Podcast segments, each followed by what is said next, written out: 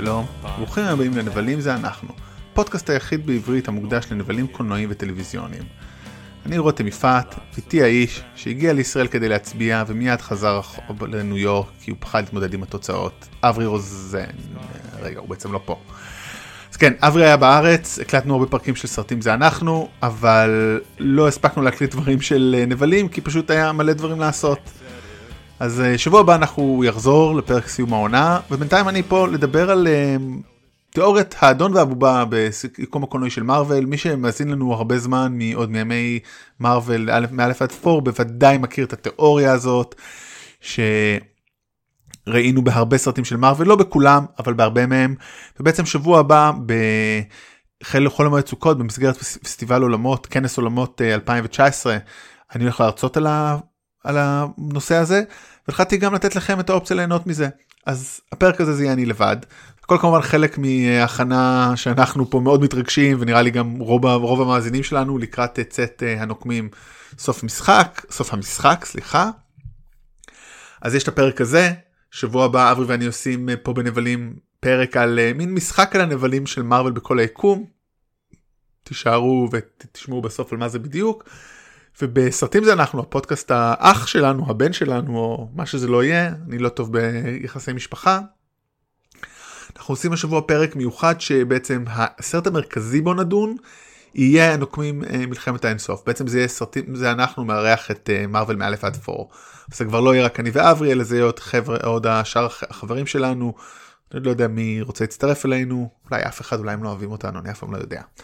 אבל היום זה אני לבד אז זה הולך להיות מאוד מעניין ומאוד כיף. אז בואו נתחיל. אז מי שנמצא איתנו כבר הרבה זמן אה, עוד מימי מרוויל מא' עד 4 בוודאי שמע אותנו אומרים את זה מדברים על התיאוריה הזאת של האדון והבובה. אה, יש נבלים במרוויל לא בכל הסרטים אבל בחלק לא קטן שיש בהם נבל שבעצם מתגלה שהוא לא הנבל העיקרי זאת אומרת כל הסרט אנחנו חושבים שהוא הנבל העיקרי. ובאיזשהו שלב מתגלה שיש נבל אחר שהפעיל אותו מאחורי הקלעים. ואנחנו באמת עלינו על זה זאת אומרת זה לא איזה משהו שחיפשנו אלא פתאום כשאתה רואה את הסרטים שוב בעין ביקורתית לקראת הפודקאסט פתאום אתה שם לב לתופעה הזאת. וכשהתפרסם הכל קורה לכנס עולמות אמרתי אוקיי על מה אני אדבר על הדבר שאולי אני הכי עסקתי בו בשנה האחרונה באמת סרטי מרוויל ונבלים. אז התחלתי קצת אה, לחזור לתיאוריה הזאת והגעתי לכמה תובנות בעצם על ההתפתחות של הדבר הזה כי. זה לא שיש רק פעם יש נבל אדון אדון ובובה ורסיה אחת של זה. זה תהליך שמשתנה זה איזשהו כלי תחבולה עלילתית מה שאומרים אוהבים להגיד בספרות או בקולנוע כן? בתורות שחוקרות נרטיבים storytelling מילת באז גדולה. אלא זה מתפתח וכל כל שלב כל התפתחות של השימוש בדבר הזה הדבר הזה אני מתכוון כן האלמנט הזה של אדון ובובה הוא בא כדי לעשות משהו אחר בסרט והכל מתקשר לאיך אנחנו תופסים את הדמויות את הגיבורים. אז בוא נתחיל רגע לדבר ממש בקצרה מה זה נבלים אני לא אדבר על מה זה מהיקום הקולנועי של מארוול כי זה נראה לי רוצה להאמין שרוב האנשים פה יודעים אבל בקצרה משהו שהחל ב2008 איירון מן לא הסרט הגיבורי על הראשון כן היה לנו כבר לפני זה סרטי ספיידרמן אקסמן בטמן סופרמן וונדר וומן מן סתם זה לא היה אבל זה יכול להיות נחמד. אז הרבה סרטים אבל איירון מן שוב גם מבחינת סרט הוא לא היה מדהים במיוחד אני חושב שמה שהיה בו באמת מדהים זה הסצנת post credit. פרט לזה שהיא שינתה את האופן שבו אנחנו צורכים קולנוע ומחכים עד הסוף של הסוף של הסוף של הסוף של הסוף של הסוף של הסוף. היא גם הוסיפה את האלמנט הזה שם שנכנס אה, ניק פיורי ואומר אתה טוני סטארק אתה חושב שאתה אחד בודד פה. אז לא לא יש עוד הרבה כמוך. לך לחפש כאילו. תכלס הגרסה הגיבורי על לך לחפש יש עוד אלף כמוך. באמת הדבר הזה נבנה. זאת אומרת כן יש לנו אחרי זה אחרי איירון מן בהלק איירון מן 2 4 וכן הלאה נבנה סרט מרכז עוד סרטים בודדים פתאום יוצאים לשלוחות כן לגרדיאנס אנטמן שפתאום קופץ במלחמת אזרחים לכמה דקות במלחמת אזרחים פתאום חושפים לנו עוד דמויות חדשות. זאת אומרת, היקום הזה הוא דבר באמת מדהים וכמו שאני אוהב לקרוא לו יומרני ובקטע טוב. קווין פייגי orchestrated מנצח על זה בצורה מדהימה. וכאמור אני חושב שבאמת האדון והבובה זאת אומרת איך שאני עושה לזה תיאוריז תיאוריז תיאוריז תיאוריה theorizing it האופן שאני עושה לזה, שאני theorizing it, היא, היא מן הסתם קצת שלי, אבל היא שם, זאת אומרת אי אפשר להתכחש לזה שיש נבלים שהם ראשיים ויש נבלים שהם אה, בעצם, בעצם הנבלים הראשיים מתגלים כרק אה, אדון, אה, פועלם של נבלים גדולים. עכשיו שוב זה לא אני חייב להגיד פה משהו שוב יכול להיות שיש את זה בעוד סרטים לי לא עלה בראש דרך אגב לאורך כל התקופה הזאת. מה שהתחלנו להגות את זה לא עולה לי הרבה מקרים. חשוב להבדיל מה שיש בדרך כלל במקרים של נבלים זה עוזרים מה שנקרא הנצ'מנים כן. באמת לחיות יש את האנס גרובר ואז יש את כל האנשים האחרים ובדרך כלל מה שקורה בסרטים. הגיבור מתמודד בשלבים כמו במשחק מחשב הוא קודם מתמודד עם החלש יותר גובר עליו עובר לבעל לפעמים הוא גם מתעמת קצת עם, ה, עם המאסטר כן עם הנבל על. ולא במיניונים שלו או, בס, או בהנצ'מנים שלו כן כל מיני מילים שיש. אבל תמיד אנחנו יודעים בדיוק מי נגד מי יש נבל יש לו את העובדים שלו והכל בסדר. במארוול אין את זה אין כמעט הנצ'מנים. ויש לנו יותר את הדבר הזה של אדון ובובה אבל אולי לפני זה רק נשאל שאלה למה בכלל צריך נבלים אז נבלים הם בדרך כלל המין המוטיבציה והתמונת ראי אולי הייתי אומר לפעמים של, הנב... של הגיבור. אמרתי את זה הרבה פעמים פה בעבר כשהתחלנו הרי אנטגוניסט אנט... אנטגוניסט ופרוטוגוניסט זה הגיבור וזה שהפרוטוגוניסט זה הגיבור הזה שמוביל ואנטגוניסט זה זה שמתנגד אבל בפועל מה שמניע את העלילה זה בדיוק הפוך. הנבל האנטגוניסט הוא מייצר איזושהי פעולה שהגיבור יוצא נגדה. אז זה בגדול וכל זה אבל עוזר לנו בסופו של דבר כדי לייצר גיבור כן כי גיבור שמתמודד עם קונפליקט צריך לבנות את עצמו יכול להיות מוצלח יותר מתמודד עם קשיים.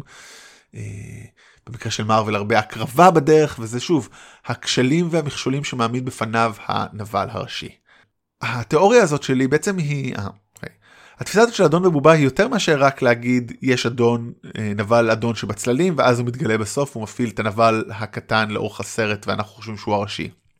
הדבר שאני רוצה לחדש פה היום גם למי שכבר שמע את זה הרבה זה השלבים שזה עושה ומה המשמעות של זה זאת אומרת למה זה שונה כשיש לך נבל ראשי נבל בובה באיירון מן הראשון הסרט הראשון בקום לבין זה שיש לך נבל בובה בסרט כמו אה, עידן אולטרון או מלחמת האזרחים זה שימוש אחר לגמרי ואני הולך להשתמש בתיאוריה בעצם לחלק את זה לארבעה שלבים ומבוססת על תיאוריה של אה, מחקר ז'אנרים. כשהקולנוע אה, הפופולרי עבר, הגיע לצרפת, החוקרים שם בשנות החמישים התחילו לחפש כל מיני תיאוריות שמסבירות איך מתפתחים הז'אנרים, אז לקחתי את זה מזה, ובעצם יש ארבעה שלבים, ואני לא עכשיו אתחיל להסביר את התיאוריה ואיך היא מתקיימת בסרטי ז'אנר, אלא פשוט אני, בזמן שאני נותן את הדוגמאות, אני אסביר על הכל שלב.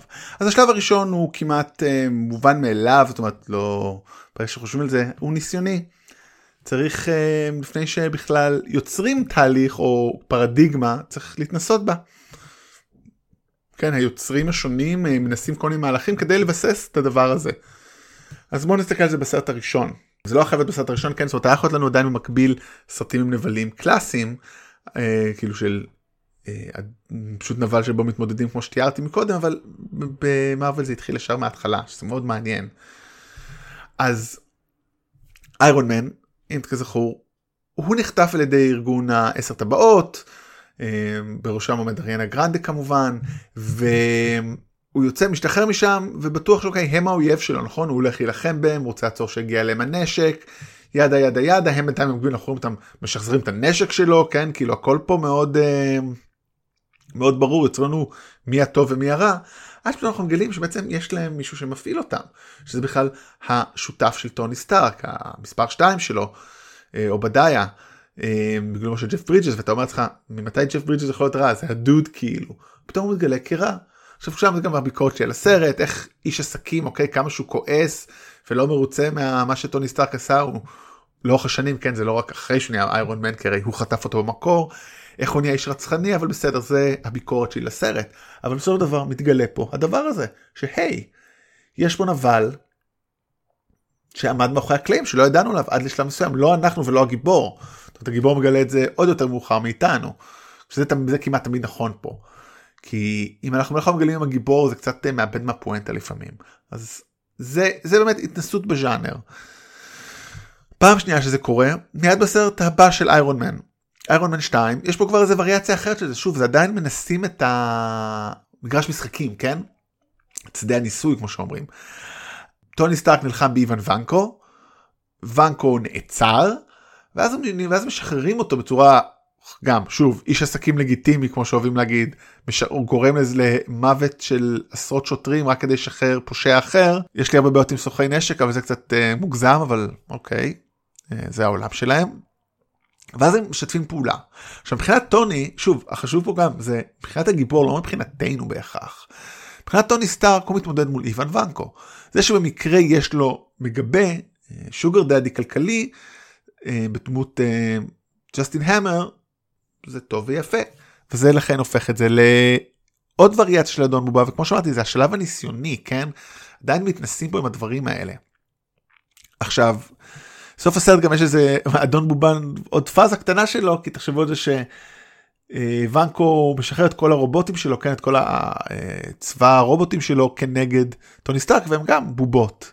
אז זה הפוך לא הפוך על הפוך אלא פשוט עוד רמה של הדבר הזה כן אז זה מתקיים פה. מה השלב הבא? השלב הבא הוא בעצם באופן הגיוני גם הייתי אומר חושבים על זה שוב ברגע שכבר אתה נכנס לתוך זה זה תוסס זה הגיוני שדבר הזה השלב הבא הוא השלב הקלאסי כן, די מהר אתה עובר מהניסיוני לקלאסי. השלב הקלאסי הוא השלב שבו הנורמות, הקונבנציות מתבססות והקהל מצפה לזה. אבל היתרון פה הוא שהקהל מצפה לזה אז הוא לא צריך לחשוב על דברים אחרים וזה עובד מאוד יפה. אז איפה זה בא לידי ביטוי בנוק... ב... ביקום של מארוול? בנוקמים. אנחנו רואים על ההתחלה, כן, זאת השוט הראשוני זה לוקי נבל, שהוא היה נבל קלאסי. זאת אומרת לוקי הוא אולי הנבל הכי מוצלח. בקלות קל להתווכח שהוא אחד הכי מוצלח אם לא בטופ שלוש זאת אומרת שלי הוא בטופ שלוש אני לא רוצה להיכנס לזה אז הוא על ההתחלה מקבל נשק הרי ומטרה ומשימה כביכול מהאחר שהוא בעצמו פועל תחת אה, מישהו שלישי כן ת'אנוס זאת אומרת יש פה וגם לוקי עובד של ת'אנוס אנחנו רואים את זה קצת. אז פה הנה אנחנו זאת אומרת אפילו אין צורך להסתיר את הנדון והבובה אנחנו רואים לא כי הוא בובה נכון הוא יגיד לא הם נותנים לי כוח ומטרה בלה בלה בלה אבל לא אתה אתה אתה עושה את דבריהם. דרך אגב זה הסיבה למה לוקי לא כזה מוצלח פה לוקי הוא מדהים בפור בגלל שזה בא מעצמו. הוא כואב הוא, הוא רוצה רק שיכירו בו הוא רוצה לראות שהוא ראוי בדיוק כמו אח, אח שלו בגרשיים במרכאות אח שלו במרכאות כפולות. הוא רק רוצה אהבה זה באמת יפה. אתה רוצה היופי בסרט הזה. ופה לעומת זאת הוא בסך הכל רוצה נקמה והוא רוצה כל מיני דברים כזה אני אשלוט אתם בני אדם לא יודעים מה זה חופש כל מיני כאילו ילדותי ומעצבן ולכן הוא לא עובד. הסרט עובד מדהים כמובן כן הוא אחד הסרטים הכי טובים אבל לא בגלל הנבל. הוא עובד בגלל שהוא הוא, הוא, הוא, הוא מספיק טוב שם כדי ליצור קונפליקטים אבל זה לא קונפליקטים רגשיים זה קונפליקטים מאוד uh, שטחיים שזה מה שצריך בסרט הזה. לא סתם הסרטים הבאים הם שבו הנקומים מתאחדים ומתפרקים זה בשלבים מתקדמים של הנבל והבובה. אז כן זה השלב הקלאסי. עכשיו חשוב להגיד משהו לגבי התיאוריה הזאת בז'אנרים והיא נכונה גם פה היא מתקיימת במקביל זאת אומרת יכול להיות סר יכול להיות ברגע שכבר התבסס הקלאסי שעדיין יהיו ימשיכו להתקיים סרטים בקלאסי ועכשיו ייכנס השלב הבא. אז לכן כשאני אתאר עכשיו את השלב הבא, השלב הפרודי, חלקם מתקיימים במקביל גם לסרטים שהם בשלב הקלאסי. זאת אומרת, איירון מן 3 מתקיים די בסמוך.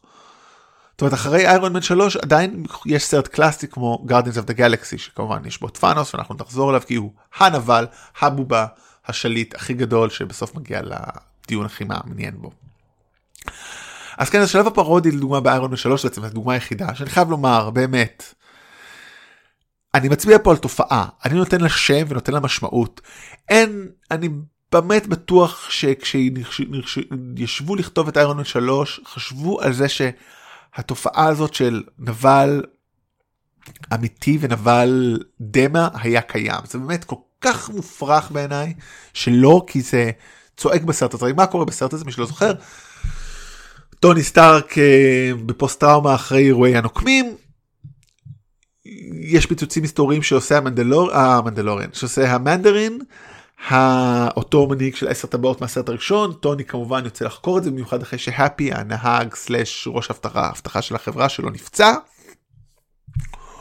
הוא חוקר את זה, בסוף הוא מגיע למקום המקום מחבוא של המנדרין, ואנחנו מגלים שזה בובה, זה באמת שחקן, זאת אומרת, זה... הוא לא קיים, זאת אומרת, זה לא נבל שמופעל על ידי הוא רק ייצוג של נבל שבנה הנבל המרכזי. הנבל המרכזי הוא אלדריך קיליאן, ואנחנו רואים אותו באיזשהו שלב מפעיל ועובד יחד עם המנדרין, אבל זה כאילו נראה כאילו הוא רק עובד שלו, או הוא מממן אותו, או מה שלא, אבל אין שם בשלב שרואים את זה מחשבה שהוא חלילה ה... הוא המפעיל ובעצם המנדרין הוא כלום.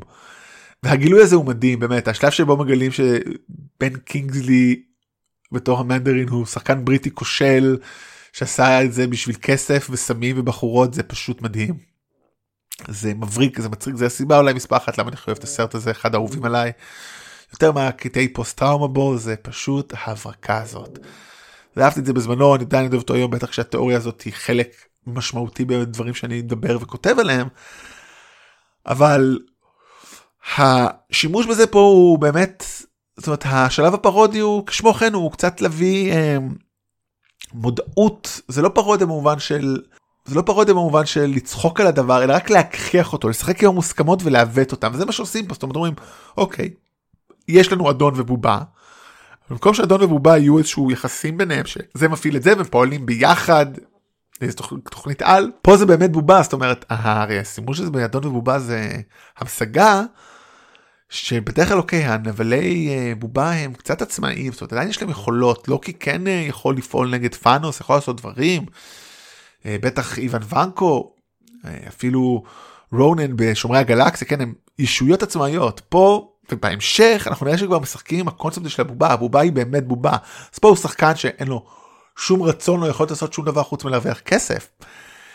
ופה לדוגמה אני לא חושב שיש לזה משמעות מעבר לבדיחה של זה זאת אומרת זה עובד טוב מאוד גם לתסריט כי זה מייצר את הנבל האמיתי בתור נבל על ומבזבז את הזמן של טוני כביכול אבל זה עוד לא מספיק מעניין וזה קורה בשלב הבא. שלב הבא זה השלב הדקונסטרוקציה. מה זה דקונסטרוקציה? לוקחים מושג ומפרקים אותו ובונים מחדש. וזה מה שקורה בשלושת הסרטים שהם בעיניי כמה מהבולטים הטובים ביותר ביקום הקולנועי של מארוול. זה לפי הסרט הזה קפטן אמריקה חייל החורף שגם שם יש לנו נבל שהוא בובה כאילו הוא בובה אשכרה בובה חייל החורף עובר שטיפת מוח ומפעילים אותו אין לו שום רצון משל עצמו. כאילו בטח בסרט הזה זאת אומרת או שהוא מקבל הוראות לפעול או שהוא מוקפא הוא בובה בכל רמה חבריו לצערנו אנחנו אוהבים את בקי בארנס. אה, אהוב על כולנו סבסטיאן סטיין אבל עדיין פה הוא בובה אין לו רצונות. אבל הבובה היותר מעניין אבל זה לא היה מעניין מספיק. זאת אומרת זה היה בובה רגילה. אם מישהו היה מפעיל אותו אז זה היה בובה אוקיי אם ארגון היידרה לא היה חלק. זאת איפה אבל מי הבובה אבל זה לא הבובה האמיתית של הסרט. הבובה האמיתית היא סטיב רוג'רס או כל שילד. למה? כי הרי מה אנחנו מגלים פה? שבעצם לא רק שבאקי בארנס הופעל על ידי היידרה אלא שילד היא היידרה. וניק פיורי וכמובן הקפטן ונטשה רומנוף, אלמנה שחורה, הופעלו, פעל, הם פעלו לא לטובת הטוב שהם חשבו. זאת אומרת, היה להם שיקול דעת, אבל בכל זאת הם קיבלו מידע חלקי ויכול להיות שעבדו עליהם מאוד. ופה נכנס האדון והבובה, ל... ובגלל זה זה הדקונסטרוקציה, בגלל זה זה השלב המעניין.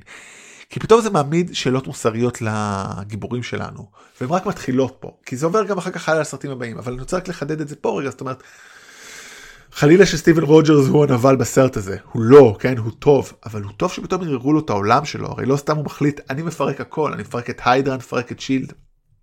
אין יותר. השתמשו בי, ניצלו אותי, ואני עכשיו הולך לייצר את זה מחדש. אז מה קורה בסרט הבא הרלוונטי? הסרט הבא הרלוונטי הוא אה, הנוקמים עידן אולטרון. אחד הסרטים הכי פחות מוערכים, הוא ממש כאילו מדורג חלש, ואני אברי ואני שנינו לא מסכימים בזה אנחנו מאוד אוהבים אותו מודעים למגרעות שלו ויש בו כמה דברים יפים וחכמים. מעבר להומור הג'וסט ווידוני כן אבל גם מבחינת נבלים זאת אומרת אולי בעיקר מבחינת נבלים אוטרון הוא נבל מדהים. והסיבה היא שהוא נבל בובה או יותר נכון הוא היה sidekick של הטובים בובה נכון זאת אומרת הוא AI שסוג של AI שטוני טוני סטארק וסטיב וברוס באנר מנסים לרתום לטובת נשק שלהם, אבל, אבל הוא בעצם מרוב אינטליגנציה אומר, לא, לא, לא, לא, לא. אני לא בובה שלכם, אני מבין מה נכון, ואני הולך לצאת נגדכם. ויש את זה באמת, זה אחד הקטעים הידועים בסרט, שהוא, שהוא מסיים את הנאום שלו ובורח ואומר, no more strings on me, כן, ציטוט מפינוקיו, זאת אומרת, אני אדם של עצמי. אבל בזה שהוא אדם של עצמו, שוב, זה לא הופך את זה למספיק מעניין אולי, הייתי אומר. מה שהופך את זה למעניין, שהוא מתחיל לערער כמובן את הנוקמים, בשתי מישורים. א', ביכולת שלהם לעבוד ביחד, בכל זאת אנחנו רואים את זה שטוני כל פעם פועל לבד, ואם תשאלו אותי ה payback כמובן, ורואים את זה גם בטיזר טריילר האחרון, בסרט הבא, הוא לא יפעל לבד לעולם, הוא תמיד מחכה לפעול עם אחרים, זה גם רואים את זה כבר באינפיניטי וור, כן, הוא שם. כמה שהוא מתנגד לדוקטור סטרנג' הוא פועל איתו, ובשלב ההפך, דוקטור סטרנג' אומר לו, תשמע, זה הדרך היחידה לעשות, כאילו, הוא מוכן לוותר יותר ממנו, וזה מאוד יפה ההקרבה הזאת שם, אבל זה סיפור אחר ש... דבר עליו, אבל הדבר היותר מעניין פה כמובן, זה שאולטרון מעלה, מציב בפני הגיבורים שלנו ובפנינו את השאלה הפשוטה. האם אתם טובים? זאת אומרת, אוקיי, כל הדבר הזה שאתם עושים, במה אתם תורמים? אולי אתם רק מביאים את הנזק, זה תמיד הטענה הזאת שאני אפילו לא הבנתי אותה דרך אגב, שאומרים אם הגיע, זאת אומרת ברגע, ש... ברגע שיצורים מעולמות אחרים רואים שיש פה כוחות על, אז הם יבואו לנסות לתקוף. לא עדיף הפוך, זאת אומרת יש מיליארדי פלנטות ביקום. אם באחד התגלה כוח חזק, לא עדיף לך ללכת לאחד אחר, אפילו מאוד רחוק ממנו. משהו מאוד יפה שאומרת אה, קפטן מארוול באחד הטריילרים או טיזר טריילרים האחרונים של אה, גם אנד uh, גיים, היא אומרת, שואלים אותה אם את כל כך חזקה למה את לא, לא היית פה הרבה זמן, היא אומרת, הייתי בכוכבים אחרים, להם אין אתכם. אבל זה אני קצת סוטה, אבל אני לא סוטה בזה שאני אומר שהבובתיות פה היא של אולטרון. זאת אומרת אולטרון הופך את, את, קצת את הנוקמים לבובה או לפחות יוצא מהבובתיות כדי לערער בכלל את הקונספט של שוב של מה זה טוב ורע. אין מה לעשות הוא די מערער אותם וגם כמובן קורה בגלל וונדה מקסימוף ששותלת להם בראש רעיונות אבל ההבנה של מה זה טוב ומה זה רע כאילו מתחיל להתערער בסרט הזה. והסרט השלישי בשלב הזה שהוא הסרט שבו הכל מתפרק ופה יש גם הרבה אדונים והרבה יש פה אדון אחד והרבה בובות זה מלחמת האזרחים. כי שוב מתחיל פה ברמת הבובה מיידית שזה בקי בארנס אבל בקי הוא רק הכלי העלילתי שמייצר את ההפעלה האמיתית. אה, אה, גנרל זימו מפעיל את ה... הוא בעצם מפעיל את הנוקמים זה נגד זה והם הבובות שלו שלו במודע. אתה יודע ש... זה שקפטן אמריקה צריך להילחם בשוטרים זה חתיכת הפעלה בובתית זה שהם צריכים להילחם זה בזה זה לקחת אותם ולה... ולהשתמש בהם בתור כלי נשק אחד מול השני, כן? זאת אומרת, מי הנבל בסרט? טוני סטארק יגיד uh, קפטן אמריקה, קפטן אמריקה יגיד טוני סטארק. טוני אומר על סטיב כי הוא לא נותן למישהו, אף אחד להגיד לו והוא יוצא נגד העובדות, כמה שיש עובדות במקרה הזה. וקפטן יגיד על טוני כי טוני משתף פעולה, כי טוני לא מוכן לראות רגע את ה... את הלנסות להבין מה קורה, אז הם מתעמתים זה עם זה, כאילו כן זה כל ה... ליבו של הסרט, העימות הזה ביניהם, הוויזואלי הכל כך יפה, בין אם זה בשדה תעופה ובין אם זה בסוף שם, עם המגן. אבל הוא יוצר את השאלה, אם הנוקמים אה, מתעמתים בינם לבין עצמם, מי הטוב ומי הרע? שזה דרך אגב שאני מתחבט בה כל הזמן. כל צפייה מחדש שלי בסרט הזה, אני משנה את דעתי. יש מצב שבזמן שהקלטנו את הפרקים על הסרט הזה, חילקנו אותו לשניים, אני החלפתי את הדעה שלי שלוש פעמים. כי אתה פשוט לא יודע מי טוב ומי רע, מי טוב ומי רע פה. וזימו מנצל את זה לטובתו זאת אומרת הוא אומר הוא מנצל את זה לטובתו גם זה מאוד טוב שאין לו שום מטרה חוץ מלהרוס אותם זאת אומרת זה מקל עליו אני כמה שאברי תמיד פה לא אוהב נקמה. הוא עושה צורה מאוד יפה כי הוא לא מרוויח מזה כלום הוא מתכוון למות בסוף הנקמה. והוא כושל בכך כן כי הוא כי שים אותו במעצר אבל זה מאוד יפה ההקרבה שלו ומה שהוא מוכן לעשות כדי להפעיל אותם באמת זה מערער לגמרי את הקונספט של טוב ורע. כי וזה גם מה ששובר את הנוקמים, זאת אומרת אנחנו מוצאים את עצמנו במלחמת האינסוף בזה שמוצאים את עצמנו שטוני לא מדבר עם, עם קפטן, הוא מנסה לחייג אליו אבל רגע לפני שהוא בא כל המתקפה קורית ושם זה נגמר. אז כל זה באמת אני אומר ה... כל המהלכים האלה נועדו כדי לבסס את הקונספט של מה זה טוב ורע ורע. זאת אומרת בגלל זה יש את כל המהלך הזה כן? אז בוא נעשה איזה recap קטן. השלב הראשוני זה הניסיוני איירון מן כן? הביסוס של הדבר יש נבל טוב יש נבל, יש נבל קטן. ממש כאילו הוא כל כך קטן שהשחקן אפילו לא מוכר. זה היה צריך אולי להעיר לנו נורות אדומות. יש נבל גדול שפתאום צץ לנו. השלב הקלאסי זה ההתבססות, באמת הדבר האמיתי, ופה זה בא יפה לידי ביטוי בזה שאנחנו רואים את זה בתחילת הסרט כבר, מעבירים ללוקי, מישהו אחר מעביר לו את הסמכות, אנחנו רואים שהוא פועל מטעם מישהו שהצילו אותו. השלב השלישי זה הפרודי שאין לנו אותו הרבה, אבל הוא מאוד מעניין פה והוא אחד המבריקים, כן, אני חושב שבאמת הוא מודע לעצמו, זאת אומרת, זה נעשה במודעות רפלקסיבית של... אה, נעשה במודעות רפלקסיבית של אנשי מארוול, אה, שבו בעצם הנבל, יש לנו נבל בובה דה פקטו, זאת אומרת, בובה שמופעלת, הוא חסר כוח ויכולות, הוא רק שחקן, הוא אשליה ותו לא, זה ביקורת מאוד יפה על זמננו. והשלב הרביעי זה דקונסטרוקטיבי, ששם מתחיל להיות מעניין. זאת אומרת, שם לא סתם שלושת הסרטים האלה הם הרצף החשוב שמוביל למלחמת האינסוף, שתכף נדבר עליו, כי הנבלים שם, כל אחד בצורתו הוא, הם שלושתם בשלב של הדקונסטרוקציה ובצורה אחרת, כן? זה מתחיל כן בקפטן אמריקה חייל החורף, שבו בעצם אנחנו מגלים שכל הזמן הזה, הטובים אולי הופעלו על ידי הרעים בלי לדעת, הם היו נבלים בעל, בעל כוכב, וגם אם אי אפשר לדעת עדיין מי נבל ומי טוב, זה בטוח מתחיל לערער פה את הקונספט של טוב ורע, שזה הכי מעניין. בסרט הבא, Age of Ultron, אולטרון בעצם אומר, אומר להם את זה בפנים, הוא כאילו בובה שלהם, הוא יוצא נגדם, כן, זאת, uh, הוא אומר רגע, אתם הרעים, ולכן הוא היה הבובה שלהם והוא מתהפך עליהם. והשלישי זה כן, מלחמת האזרחים, שבו שוב, הנבל הראשי מפעיל את, ה, את uh, חייל החורף, ובתוך כך גם את הנוקמים זה נגד זה, כדי לייצר שוב השאלה, האם אתם טובים או האם אתם רעים. חשוב להגיד גם בסרט הזה זה בא לידי ביטוי כמובן עם כל הסקוביה הקורטס, כן, החוקים שמגבילים אותם, אבל זה לא מה שהיה שובר אותם. אם לא היה מתרחש כמו שקורה עם בקי, כנראה שפשוט היו יושבים בצד, אולי קפטן לא היה זז, אבל ברגע שזה נהיה אישי, קפטן יצא ושבר את הכלים. זה השילוב המדויק, ה... יש לומר היותר מדי מדויק הזה, אבל בסדר, אנחנו זורמים עם זה. עכשיו למה כל זה מגיע? זה מגיע למלחמת האינסוף וסוף משחק. אני לא יודע כמובן מה קורה בסוף משחק עדיין, אבל מה שיפה במלחמת האינסוף זה שיש לנו את פאנוס. ופאנוס הוא כביכול הנבל נכון אבל אמרנו את זה כבר פה אמרתי את זה בעוד מקומות ואנחנו לא הראשונים להגיד אולי פאנוס הוא הטוב הרי בטוח הוא הגיבור של הסרט הוא מופיע הכי הרבה הוא מוביל את העלילה יש לו מסע לאסוף את האבנים ולעשות איתם פעולה שהיא כביכול טובה. על פניו יכול להיות שהוא יסיים בטוב לפי איך שנראים הטריילרים לא ולפי איך שאני חושב לא. אבל הדבר הזה היה מאוד קשה להתחיל מהנקודה הזאת, ושני דברים אפשרו לדבר הזה לקרות. אחד, ביססו לנו אה, 18 סרטים לפני זה, אם אני לא טועה בספירה כרגע, את כל הטובים, זאת אומרת, אנחנו, יכולים, אנחנו לא צריכים הרבה את טוני סטארק כדי להבין מי הוא. נכון, הוא אף פעם לא נפגש עם אה, דוקטור סטרנג', אבל אנחנו יודעים מי הוא, וגם אנחנו יודעים כבר די מי הוא, את הדושיות של כל אחד מהם, בלי להעליב אף אחד. אנחנו יודעים מי זה ת'ור, אנחנו יודעים מי זה שומרי הגלקסיה, החיבור ביניהם שהוא הדבר הכי מדהים בעולם, עובד לנו, כי אנחנו יודעים בדיוק מי זה סטארלורד ולמה הוא מפחד ולמה הוא נותן כמו גם בן אדם מעצבן והכל שם עובד, אז כל את זה כבר הניחו לנו.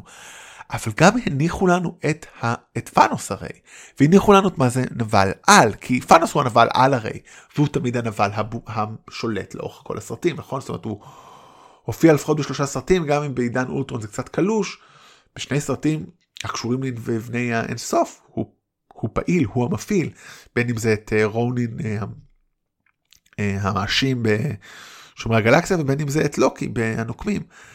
ואז הוא יכול להגיע לסרט הזה בתור דמות מוכרת ואפשר לפתח אותו, אנחנו מקבלים את כל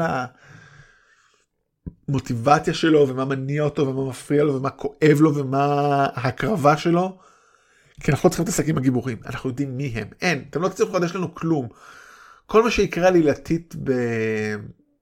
סוף משחק, זה ינבע בהכרח מהשעות הרבות שבילינו עם הגיבורים. זאת אומרת, טוני סטארק כבר הגיע להשלמה פעמיים, הוא הולך לעשות מה שצריך לך ונכון לעשות. קפטן אמריקה הוא קפטן אמריקה לאורך כל הזמן, נטשה רומנוב, כאילו, הכל הולך לקרות שם. אבל כשהגענו לנוקמים אה, מלחמת האינסוף, יכולנו להתמקד בפאנוס, ואנחנו יודעים מי הוא בתור אז עכשיו בוא נבנה לו את הסיפור שלו. ובתור נבל על כל הדבר הזה הוליך זאת אומרת הסרט הזה הוא לא סרט של נבל אה, נבל בובה ואדון כן ה-children of Thanos הם, הם מיניונים קלאסיים הם הנצ'מנים הם אומרים את זה בגלל ה-children of Thanos תגידו תודה כן אה, שאתם אה, חלק מה... אתם גם במותכם אתם ילדים של פאנוס וכל הקשקושים האלה של אבני מוב כן זה קשקושייה דת צדקנית שרק על זה מוכיח שהם הרעים אתה לא צריך לעשות מיסיונריות כשאתה עושה טוב לעולם. אבל פאנוס הוא הנבל שהיה האדון על לאורך הרבה סרטים ועכשיו הוא פשוט נהיה הנבל הרגיל. דרך אגב מאוד מעניין לא יודעים דבר על הסרט החדש הרי כן יש את כל התיאוריות שמסע בזמן חוזר חוזר לעצמו אותו דבר אני לא יודע. השאלה אם יהיה נבל אחר נבל נוסף סליחה. פאנוס יהיה שם הם צריכים להתמודד איתו הם צריכים להתמודד איתו להשיג את האהבה אני לא יודע מה הם צריכים לעשות הם צריכים הרי להחזיר. הרי המטרה שלהם זה לא לנקום בפאנוס כן. זה להחזיר את המצב רוצים להחזיר את החברים שלהם הם רוצים להקריב את עצמם לא כל, כל, כל מי שקצת קורא אני. התיאוריות הן אה, שלעשות כל השחקנים הראשיים נגמרו החוזים ומצד שני יש סרט המשך לספיידרמן ופנ... ופנתר השחור ודוקטור סטריינג' ברור שהם יחזרו yada yada. כאילו עזבו אנחנו כנראה יודעים זה יהיה מאוד מפתיע אם, אם לא כל הראשיים ימותו והשלושה לפחות וכל האחרים יחזרו ולכן כל המאבק מול ת'אנוס יהיה בכלל להחזיר את הזמן לא להילחם בו. אולי כן אבל אולי אם יהיה נבל אחר והם אומרים אבל אה, בובה ואדון. זאת אומרת האם זה אולי המוות אותו סיפור מוזר שאנחנו מכירים מהסוף של הנוקמים שהוא מקורו בקומיקס שת'אנוס בכלל רוצה להשמיד חצי יקום כדי להשמיד את המוות? שדרך אגב אף פעם לא הבנתי את הקטע הזה. זאת אומרת אם היא המוות והיא צריכה להרוג אנשים אתה לוקח לה חצי מהעבודה זה קצת קצת סטוקרי creepy כאילו. זה להסביר לה דרך stalkery ות לא יודע אני לא לא רוצה לעשות uh, dating מת'אנוס אני חייב להגיד. אבל כאמור באמת לא יודע ואולי נעשה את הספקולציות בפרק של סרטים זה אנחנו אבל זה התיאוריה ואני רוצה לחזור זאת אומרת אני פה לא במחקר מדעי אה, תיאורטי לאקדמיה וברור שיש פגמים אולי בתיאוריה הזאת אפשר להביא חלוקי דעות. אני חושב שקל להגיד באמת אני אגן על העמדה הזאת שיש התפתחות בתיאוריה הזאת. ב... יש התפתחות באופן שבו מציגים אדון ובובה נבל אה, ראשי ונבלים שפועלים תחתיו באופן נסתר. והאופן שזה משתנה זה משנה את היחסי מוסר. האם זה בהכרח תואם לשלבים שאמרתי? לא יודע, מה זה משנה. העיקר להבין איך הסרטים האלה מייצרים קונספטים של טוב ורע, שאני חושב שבמובן מסוים זה הדבר הכי חשוב לקולנוע. לאומנות בכלל, לעורר אותנו ולצאת לפעולה, כאילו כמה גם אפשר להתבדר, כן, שלא יהיה טעויות. אתה יכול לראות סרט ולהתבדר, אבל סרטים עמוקים, ולכן אני חושב שמלחמת האינסוף הוא סרט מדהים, והיה ראוי לזכות באוסקר, הוא יותר טוב מ... בטח מהסרט שזכה באוסקר ומרוב המועמדים בעיניי, אבל זה רק אני. גם פנתר שחור באותה מידה כמובן, הנבל שם הוא נבל מדהים.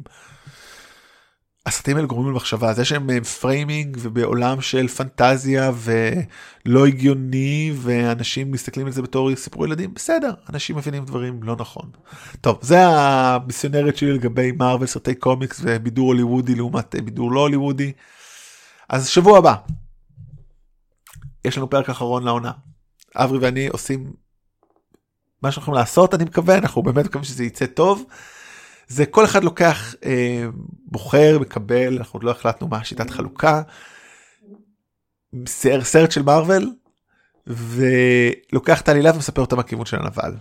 אוקיי זאת אומרת אם נגיד ניקח דוגמה את אה, קראטה קיד מתאמן קראטה מתאמן שנים כדי להגיע לטורניר, ילד חדש בשכונה מפריע לו וגורם לו לאבד את התהילה. אני חושב שמזה הגיע לי הרעיון, איזה פעם היה איזה מישהו שסיפר את הסיפור של קראת תגיד ככה, אני מצטער אם עיוותתי, לא ראיתי את הסרט שנים, גם את הסדרה החדשה.